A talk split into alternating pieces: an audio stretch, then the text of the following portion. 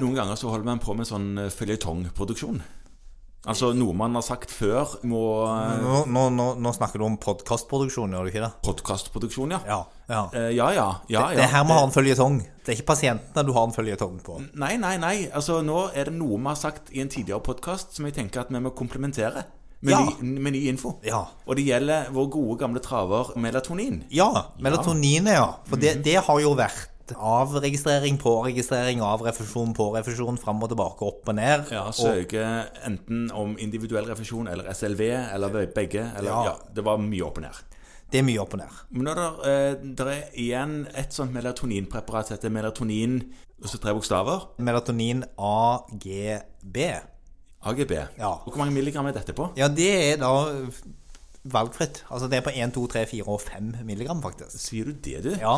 Og dette eh, Hvorfor snakker vi om dette, Jo, Kristian? altså det som er kjekt å vite Mm. om melatonin AGB, er at det har såkalt forhåndsgodkjent refusjon. Ja, altså man kan skrive det på direkte blå resept Ja. til hvem som helst? Nei. Nei.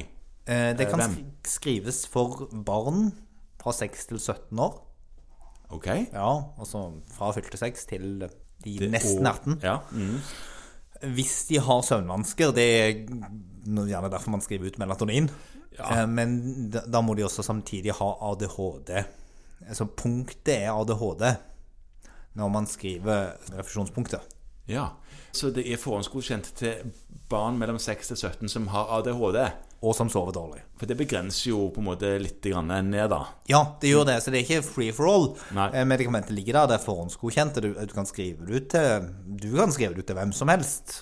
Jo, jo, jo selvfølgelig. I- Indikasjonen er jetlag, Mm. som jo er litt sånn rar greie. Og så er det da søvninsomni ved ADHD.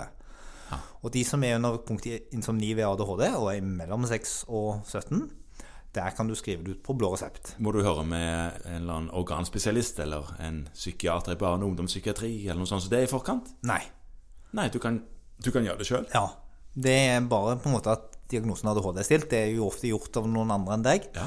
Og at pasienten har en insomni. Nettopp. Ja, men Det er jo greit å, å vite om. Fordi dette med melatonin og spørsmålet omkring medisinering og melatonin til ADHD-barn er jo noe man ofte kommer opp i. eh, Det, og- det, det har man kontakt med, og Ja. det er greit å vite om at det nå fins en forhåndsrefundert faktisk medisin for disse. Veldig greit.